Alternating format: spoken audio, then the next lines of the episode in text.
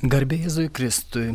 Esu basasis karmelytas iš Kauno bendruomenės Vydas Labanauskas. Ir mane paprašė pasidalinti medžiaga paruošta mūsų vienuoliams, pasauliečiams karmelytams apie Mariją. Ir mano tos paskaitos tokia tema - švenčiausios mergelės Marijos dvasingumo pagrindai. Na bet pradžioje gal pasimelskime, vardant Dievo tėvo ir sunaus ir šventosios dvasios Amen. Sveika Marija, malonės pilnoji, viešpat su tavimi, tu pagirta tarp moterų ir pagirtas tavo sunus Jėzus.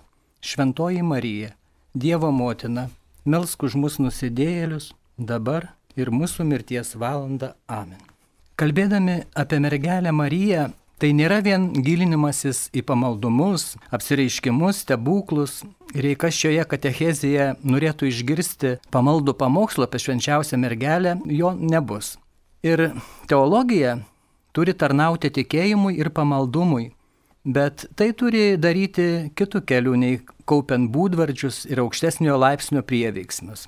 Šventasis Bernardas sakydavo, kad švenčiausiai mergeliai Marijai nereikalinga netikra garbė, o mes tikintieji esame reikalingi teisingo Marijos įvaizdžio, atitinkančio jos asmens teologinę reikšmę. Jeigu pažiūrėtumėm bažnyčios dokumentus, tai matome, kad daugelis bažnyčios susirinkimų ir net popiežiaus dokumentų mums nepaliaujamai tvirtina, kad jei iš tiesų norime pagerbti švenčiausią mergelę Mariją, privalome sekti jos darybėmis. Ji yra mūsų motina, ji yra visos bažnyčios motina. Jos gyvenimo pavyzdys yra pavyzdys visai bažnyčiai. Tai sako Vatikano antrojo susirinkimo dokumentai Lumen Gentium, pavyzdžiui, numeris 67. Ir taip pat labai gerai apie tai kalba popiežius dabar šventasis Paulius VI Signum Magnum savo apaštalinėje egzortacijoje. Šventasis popiežius Paulius VI tai puikiai kaip sakau, pateikia savo paštelinėje egzortacijoje Marialis kultus. Nors ta e, egzortacija yra labai sena, 1974 metų, bet labai naudinga, jeigu norime pažinti švenčiausios mergelės Marijos dvasingumo tuos pagrindus. Kristus yra vienintelis kelias pas tėvą. Ir Jėzaus sėkimas tai realus kelias, kuriuo turime eiti, kad pasiektume šventumą. Ir sėkimas mergelė Marija sieloms absoliučiai netrukdo ištikimai sekti Kristų, net priešingai. Jis padeda sieloms geriau sekti Jėzų. Na ir kai mokiausi teologiją, atsimenu Salamankoj, ir man dėstė profesoriai, tie mokytojai, ir jie sakydavo, švenčiausia mergelė yra bažnyčios modelis, na, ispaniškai skamba El modelio de la iglesia, bet gal taip netiktų, tai aš pasakyčiau, kad švenčiausia mergelė yra pavyzdys, bažnyčios pavyzdys, kurį turime sekti. Na, žinome, kad mergelė Marija yra suteikta bažnyčios motinos titulas. Ir tas titulas iki suteikimo sukėlė didelius teologų svarstymus, ginčius. Marija vadinama bažnyčios motina nuo seniausių laikų, tačiau titulą oficialiai iš naujo suteikė palaimintasis popiežius Paulius VI.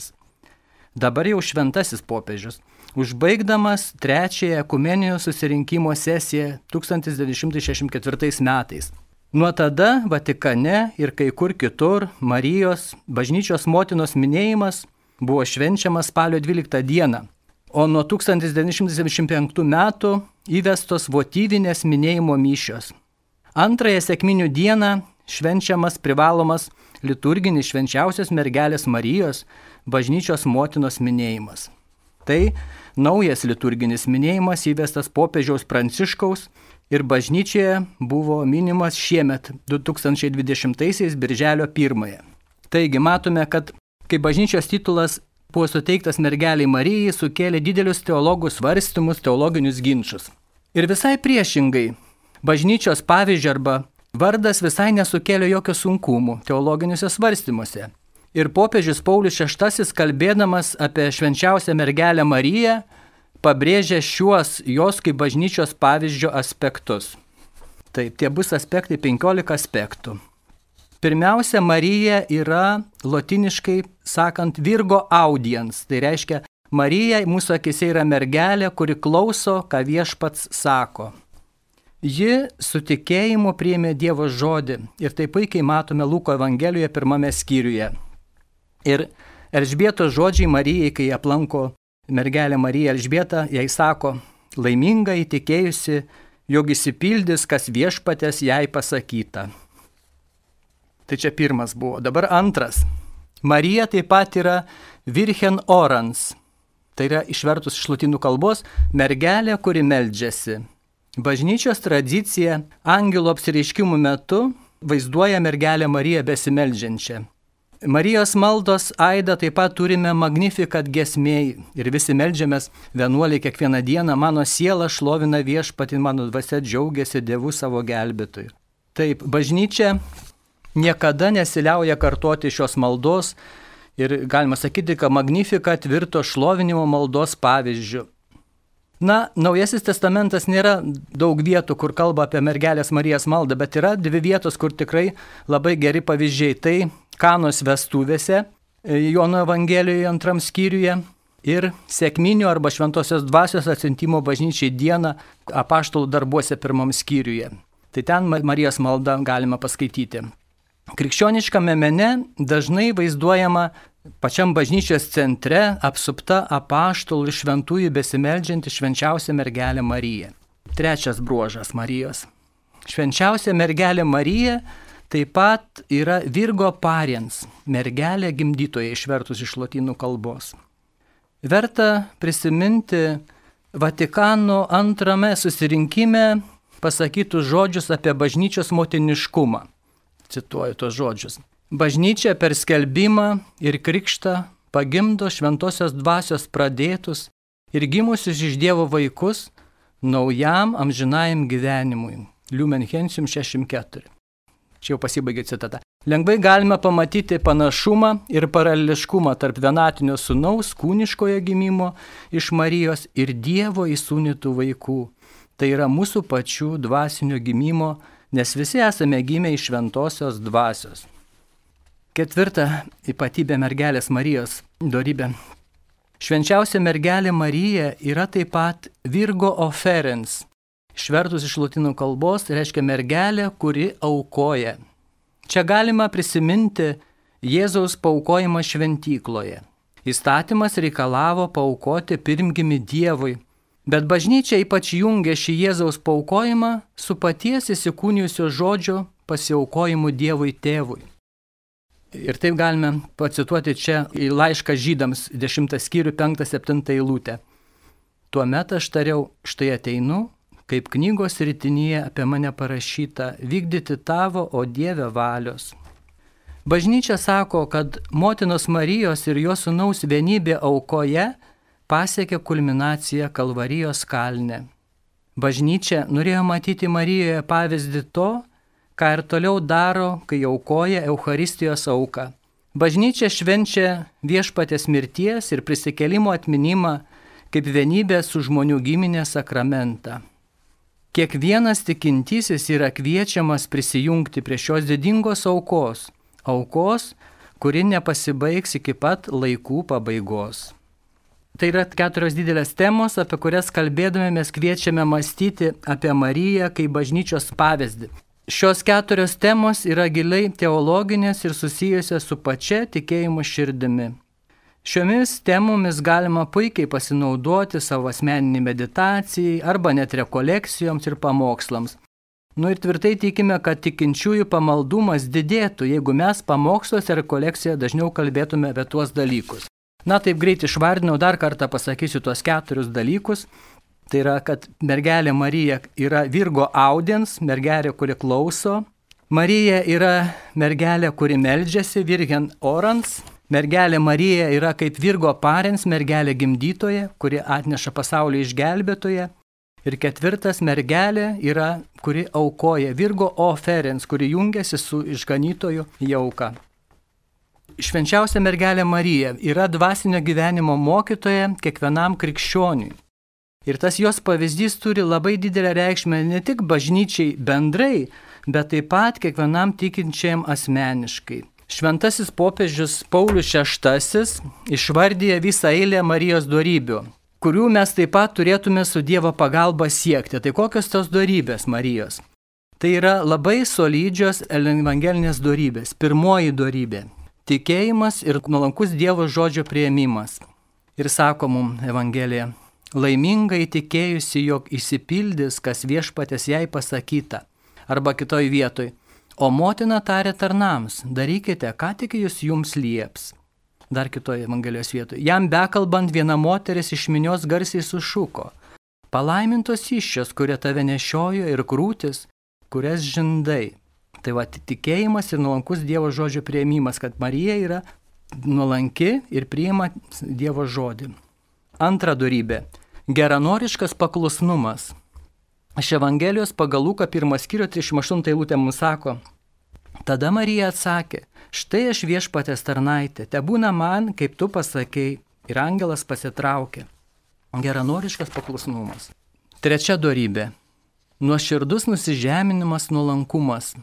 Luko 1 skyrius 48 eilutė nes jis pažvelgė į nuolankę savo tarnaitę. Štai nuo dabar palaiminta mane vadins visos kartos. Ketvirta Marijos darybė - besirūpinančioji meilė arba gailestingumas.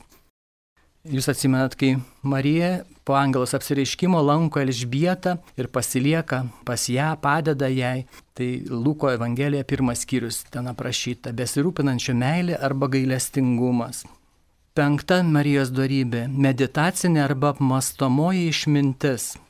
Čia paskaitysiu vėl iš, iš Evangelijos Luko, kai ką. Išgirdusi šiuos žodžius, jis sumišo ir galvojo savo, ką reiškia toks sveikinimas.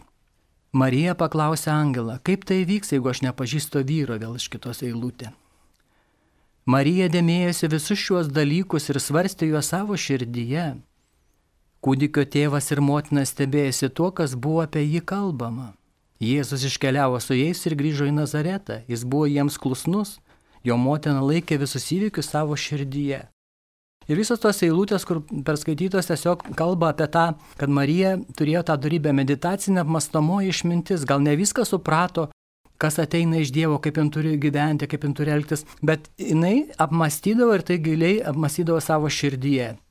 Šešta Marijos darybė, Paulius šeštasis sako, yra uolus maldingumas Dievui ir religinių pareigų vykdymas. Vėl iš Lūko Evangelijos antros skyriaus.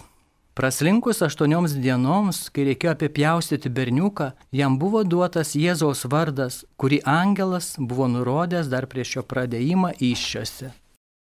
Uolus, taigi, tokia darybė, uolus maldingumas Dievui ir religinių pareigų vykdymas. Septinta Marijos darybė yra dėkingumas už gautas viešpatės dovanas. Ir vėl, o Marija prabylo, mano siela šlovina viešpatį, mano dvasia džiaugiasi dievų savo gelbėtojų, nes jis pažvelgiai nuolankę savo tarnaitę. Štai nuo dabar palaiminta mane vadins visos kartos, nes didžių dalykų padarė man viešpats ir šventas yra jo vardas. Aštuntoji Marijos darybė yra dėkingumo išreiškimas Dievo šventykloje. Vėl iš Lūko Evangelijos antros skyriaus. Pasibaigus Mozės įstatymų nustatytoms apsivalymo dienoms, Juozapas ir Marija nunešė kūdikį į Jeruzalį paukoti viešpačiui, kaip parašyta viešpatės įstatymė. Kiekvienas pirmgimis berniukas bus pašvestas viešpačiui ir duoti auką, kaip pasakyta viešpatės įstatymė - porą purprelių arba du balandžiukus. Devinta Marijos darybė yra malda apaštalų bendruomenėje iš apaštalų darbų pirmos skyriaus. Tuomet jie sugrįžo į Jeruzalę iš vadinamojo Alyvų kalno, buvusio netoliese, kiek leidžiama nueiti šabo dieną. Parėję jie susirinko aukštutiname kambaryje, kur buvo apsistoję. Ten buvo Petras ir Jonas, Jokūbas ir Andriejus, Pilypas ir Tomas, Baltramiejus ir Matas, Alfėjaus sunus Jokūbas, Simonas Uolusis ir Jūdas, Jokūbo brolis. Jie visi ištvermingai ir vieningai atsidėjo maldai kartu su moterimis ir Jėzaus motina Marija bei jo broliais. Dešimta dorybė - stiprybė tremtyje. Iš Mato Evangelijos antros skyriaus. Išminčiams iškeliavus, štai vėl pasirodo Juozapui sapne viešpatės angelas ir sako, kelkis, im kūdikį su motina ir bėk į Egiptą. Pasilik ten, kol tau pasakysiu, nes erodas ieškos kūdikio norėdamas jį nužudyti. Atsikėlęs nakčia, Juozapas pasėmė kūdikį ir motiną ir pasitraukė į Egiptą. Ten jis prabuvo iki erodo mirties, kad įsipildytų viešpatės žodžiai. Vienuolikta Marijos darybė yra garbingai išgyventas neturto gyvenimas, visą pasitikėjimą sudedant tik į viešpatės rankas.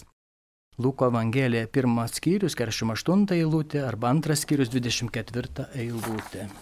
12 Marijos darybė - savo sunaus nuolankus ir rūpestingas auginimas nuo lopščio iki kryžiaus aukos. Galima taip būtų paskaityti Luko taip pat antram skyriuje arba Jono Evangelijoje 19 skyriuje. 13 Marijos darybė tai yra, kad ji sugebėjo delikačiai numatyti įvykius. Ir tai galėtume paskaityti Jono antrame skyriuje, kai jūs atsimenat, kai buvo kanos vestuvės ir kai vestuvininkai pritrūko vyno ir kaip jinai nežinojo, kokia toliau bus jos sunaus Jėzaus reakcija, pasakė, darykite viską, ką jis jums pasakys. In toks pasitikėjimas ir delikatus įvykių numatymas. 14. Mergelės Marijos darybė yra mergelės tyrumas ir skaistumas. Ir čia kaip popiežius Paulius VI pasiremė Mato Evangeliją pirmojų skyrių ir Luko Evangelijos irgi viso pirmojų skyriumi. Ir paskutinė darybė Marijos, kur šventasis popiežius Paulius VI priskiria Mariją, tai stipri ir tyra santuokinė meilė. Tai čia labai apie tai daug aprašo savo toj Marijalės kultus apaštalinė eksortacija. Tai va, kad mums Marija būtų sektinas pavyzdys ir, kaip sakyt, mes įgautumėm tų darybių, kurias išvardinome, turime įvykdyti dvi sąlygas. Kokias? Pirmoji sąlyga - tai kaip ir Marija turime visų savo gyvenimu atiduoti garbę ir šlovinti Dievą, kad mūsų dvasinė auka būtų, kaip Šventojo Pauliaus žodžiai sakant, pacituosiu dabar Šventojo Pauliaus laišką romiečiams 12.1. Dėl Dievo gailestingumo prašau jūs, broliai, aukoti savo kūnus kaip gyvą, šventą, Dievui patinkančią auką, kaip dvasinę Dievo garbinimą. Tai va, kad mūsų dvasinė auka būtų galima taip pat pasiremti ir Švento Petro žodžiais. Pacituosiu dar iš 1 Petro laiško, antros kiriaus penktą eilutę. Ir jūs patys, kaip gyvėjai akmenis, statydinkitės į dvasinius namus, kad būtumėte šventa kunigystė ir atnašautumėte dvasinės aukas, priimtinas Dievui per Jėzų Kristų. Tai čia tokia pirmoji sąlyga kad mūsų dvasinė auka turi būti kaip va, Pauliaus žodžius ir kaip Petro žodžiais, kad mes visą gyvenimą tiesiog atiduotumėm visų savo gyvenimų garbę ir šlovę Dievui, tik tai kaip Marija atidavė. Ir antroji sąlyga - tai visada kaip Marija įsipareigoti visų gyvenimų Dievui ir atsiduoti jo valiai. Ne tai, ko aš noriu, bet tai, ko tu Dieve nori. Marijos štai aš viešpatės tarnaitė ir jos pasakytas taip yra mums pamoka ir pavyzdys. Ir čia pasituosiu iš 1 Samuelio knygos 15 skyrių 22 eilutę. Į tai Samuelis atsakė, argi tiek pat džiugina viešpati deginamosios atnašos ir krūvinos aukos, kiek klusnumas viešpatės balsui? Tikrai klusnumas yra geriau negu krūvina aukai ir atsidavimas negu avinų taukai. Kaip minėjau, aš esu basasis karmelitas ir mes čia kiekvieną mėnesį va, turim tokią katechezę savo broliams ir seserims iš mūsų ordino, pasauliečiams ir, ir dažnai jie e, prašo manęs e, pakalbėti apie Marijos apsireiškimus, kaip jie vyksta, kaip kokias tokios tendencijos ir, ir ką mano bažnyčia ir aš jam truputį paruošiau dar apie apsireiškimus ir apreiškimus. Mūsų basųjų karmelitų ordinas yra pasišventęs švenčiausiai mergelės Marijos ir jos sunaus Jėzaus Kristaus tarnybai ir globai esame Marijos grinai ordinas. Marija dažnai apsireiškimuose pasaulyje, pavyzdžiui, Ispanijos Garabandalyje arba Portugalijoje Fatimoje, kaip teigia pati regėtoja Liucija, Marija pasirodo vilkėdama rūbų panašių į karmeličių vienuolių seserų abitą. Ir paskui žinome, kad sesuo Liucija, ta regėtoja iš Portugalijos viena iš piemenėlių regėtojų Fatimoje, e, vėliau įstos į Basųjų karmeličių ordiną Portugalijoje. Ir kai ištarėme Marijos vardą, tuoj mums iškyla garsiausios Lurdo arba Fatimos šventovės pasaulyje. Aišku, ir Šiluva iškyla mums. Ir dabar tose vietovėse, kur pasirodė Marija, vyksta stebuklai, dvasiniai atsivertimai, ligonių fiziniai pagyjimai, piligrimų srautai nemažėja, Pažiūrėsime statistiką. Pavyzdžiui, yra tokia statistika, kad nuo 1928 metų iki 1988 metų, tai yra per 60 metų, buvo suskaičiuota visame pasaulyje 225 pasirodymai. Tai labai daug, ar ne?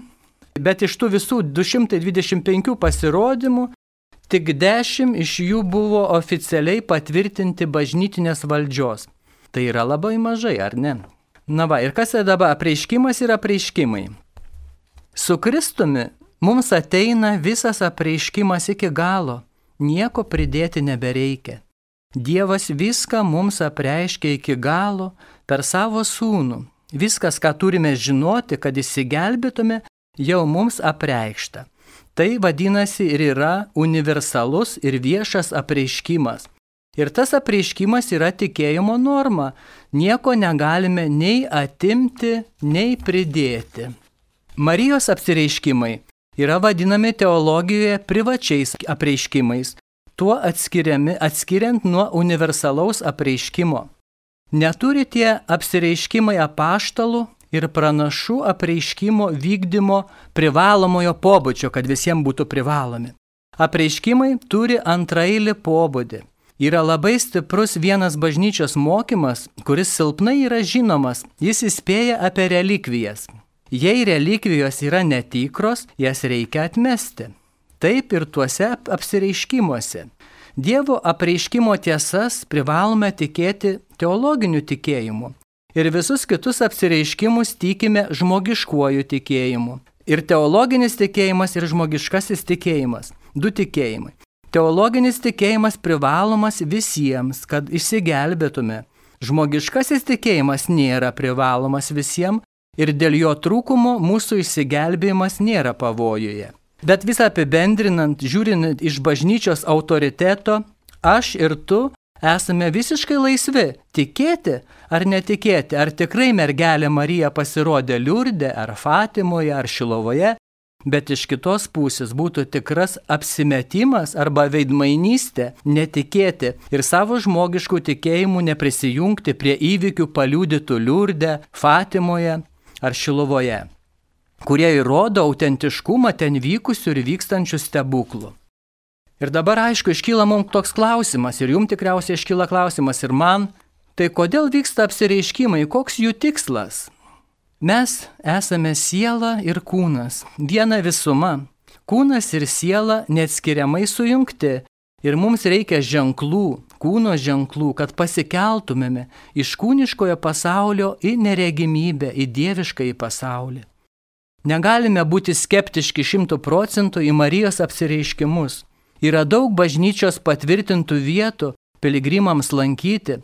Prisiminkime mūsų šiluvą, Ir ten vyksta tūkstančiai nematomų gerų dalykų. Tokios mergelės Marijos apsireiškimo vietos tarnauja tikėjimui.